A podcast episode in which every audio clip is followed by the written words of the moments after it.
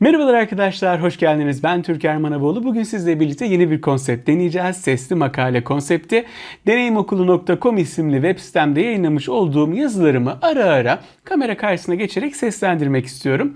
Ee, böylece hem yazıyı yazarından dinlemenin etkisi apayrı oluyor biliyorsunuz. Onu tatmak isterseniz hem de bazı arkadaşlarımız okumaktan o kadar fazla keyif almayabiliyor. Dinlemek daha fazla keyifli olabiliyor. Böyle bir konsept deneyeceğim. Eğer yeterince ilgiyi bulursa da e, devam ettirmek istiyorum.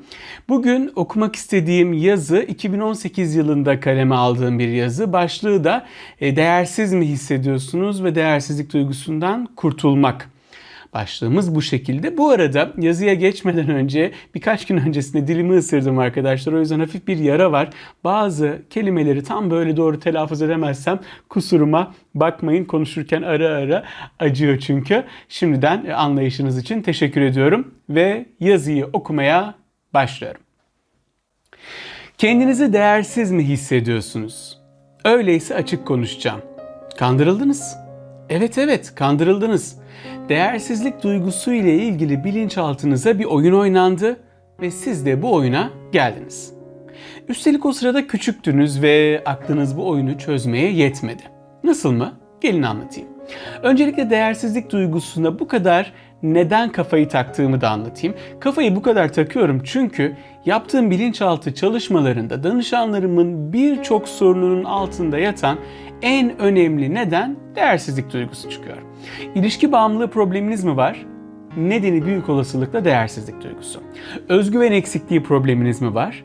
Nedeni büyük olasılıkla değersizlik duygusu. Hayır demekte zorlanıyor musunuz?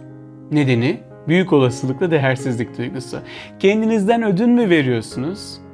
Nedeni büyük olasılıkla değersizlik duygusu. Sevgilinizin ya da eşinizin gözünde cepte misiniz? Artık nedenini söylememe gerek var mı? Kısacası değersizlik duygusu bizim hayatımızdaki davranış kalıplarımızı etkileyen en önemli kök nedenlerden birisi. Peki virüs gibi hayatımızın her alanına işlemiş bu duygunun kaynağı nedir? Hiçbir kronik duygu kendiliğinden durduk yere hop diye ortaya çıkmaz. Her kronik duygunun ya da negatif bilinçaltı kodlamasının altında yatan mutlaka ama mutlaka bir ya da birden fazla olay ya da travma vardır. Bu olay ya da olaylar çok çok büyük olasılıkla çocuklukta başımıza gelmiş olay ya da olaylardır. Hadi gelin konuyu örnekle açıklayayım. Neler insanlara kendilerini değersiz hissettiriyor? Bir örnek. Meryem çocukluğunda dedesi tarafından sürekli diğer torunlarla kıyaslanıyor ve o çocuklara daha fazla değer veriliyor. Sonuç Meryem demek ki ben değersizim demeye başlıyor ve bütün hayatı boyunca da kendisini değersiz görüyor. Dolayısıyla değersizlik duygusunun getirdiği bütün sıkıntıları yani ilişki bağımlılığı, hayır diyememe, gereksiz fedakarlık, beklentiye girme vesaire vesaire hayatında yaşıyor. Bir başka örnek. Haluk'un babası Haluk'a yeterince ilgi gösterip onu sevmiyor. Haluk ölse babası umursamıyor.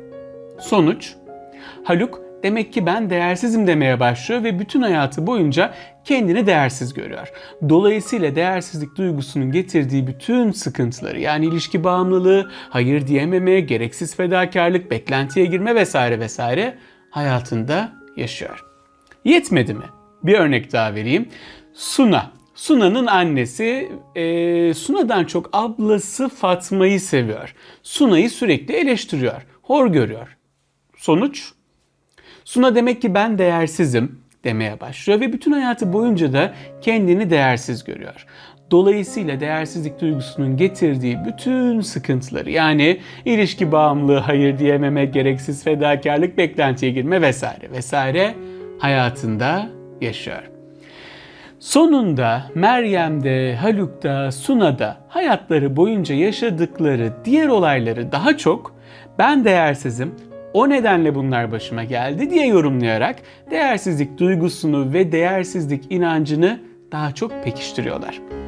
Peki, sizce Meryem değersiz miydi? Peki Haluk ya da Suna? Bir dede eğer torunları arasında ayrımcılık yapıp birini seviyor, 7 yaşındaki diğer torununu sevmiyor ve ona değer vermiyorsa bu ne anlama gelir?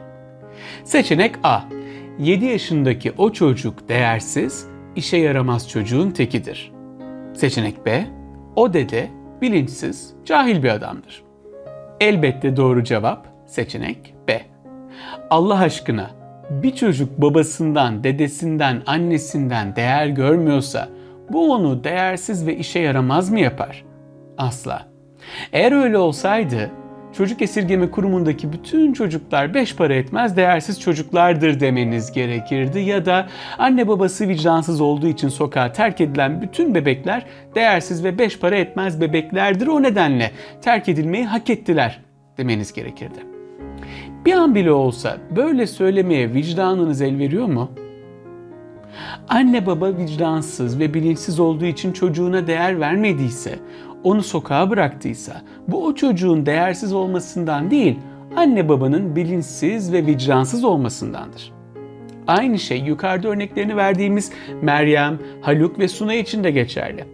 Onların da anne babaları, dedeleri onlara gereken önemi ve değeri göstermedilerse bu onların kabahati değil. Anne babaların davranışları çocukların değerini belirlemez. Sizin anne babanızın davranışları da sizin değerinizi belirleyemez. Sadece anne babanız değil, başka hiç kimsenin davranışı sizin değerinizi belirleyemez. Kişinin değerini sadece kendisi belirler. Peki bu değersizlik duygusuna nasıl oldu da kapıldınız? Çünkü çocuktunuz ve olayları şu an yaptığımız gibi rasyonel şekilde analiz edemediniz. Çünkü olayları o anda yaşayan sizdiniz ve o yoğun duygulardan kafanızı kaldırıp olaylara serin kanlı bakamadınız. Dolayısıyla bilmeden kandırıldınız. Ama artık gerçekleri öğrendiniz. Başka hiç kimse size değer biçemez. Sizin değerinizi yine ancak siz belirleyebilirsiniz. Burayı tekrar okuyayım. Burası gerçekten önemli. Başka hiç kimse size değer biçemez. Sizin değerinizi yine ancak siz belirleyebilirsiniz. Şimdi geçmişe dönüp size kendinizi değersiz hissettiren her bir olaya tek tek bu gözle bakın. Tek tek bu gözle görün ve değersizlik duygunuzun altının ne kadar boş olduğunu fark edin. Değersizlik duygunuzun altı boş. Değersizlik duygunuzun altı bomboş. Başkasının size nasıl davrandığı sizin değerinizi belirlemez. Sadece o davranışı gerçekleştiren insanların nasıl insanlar olduğunu gösterir. Siz değerlisiniz. Hem de çok. Siz özelsiniz. Hem de çok. Bu dünyaya asla sizin gibi birisi gelmedi ve bir daha asla sizin gibi birisi gelmeyecek. Varlığınızla bu dünyaya renk katıyorsunuz. Kendinizi sevmeyi de fazlasıyla hak ediyorsunuz. Kimsenin bu renginizi soldurmasına izin vermeyin. Kimsenin size değer biçmesine izin vermeyin. Tekrar söylüyorum. Değersizlik duygunuzun altı boş, değersizlik duygunuzun altı bomboş. Videoyu beğendiyseniz beğenmeyi, kanala abone olmayı, bildirimlerinizi açmayı unutmayın. Bir sonraki videoda görüşmek üzere. Mutlu günler diliyorum. Hoşçakalın.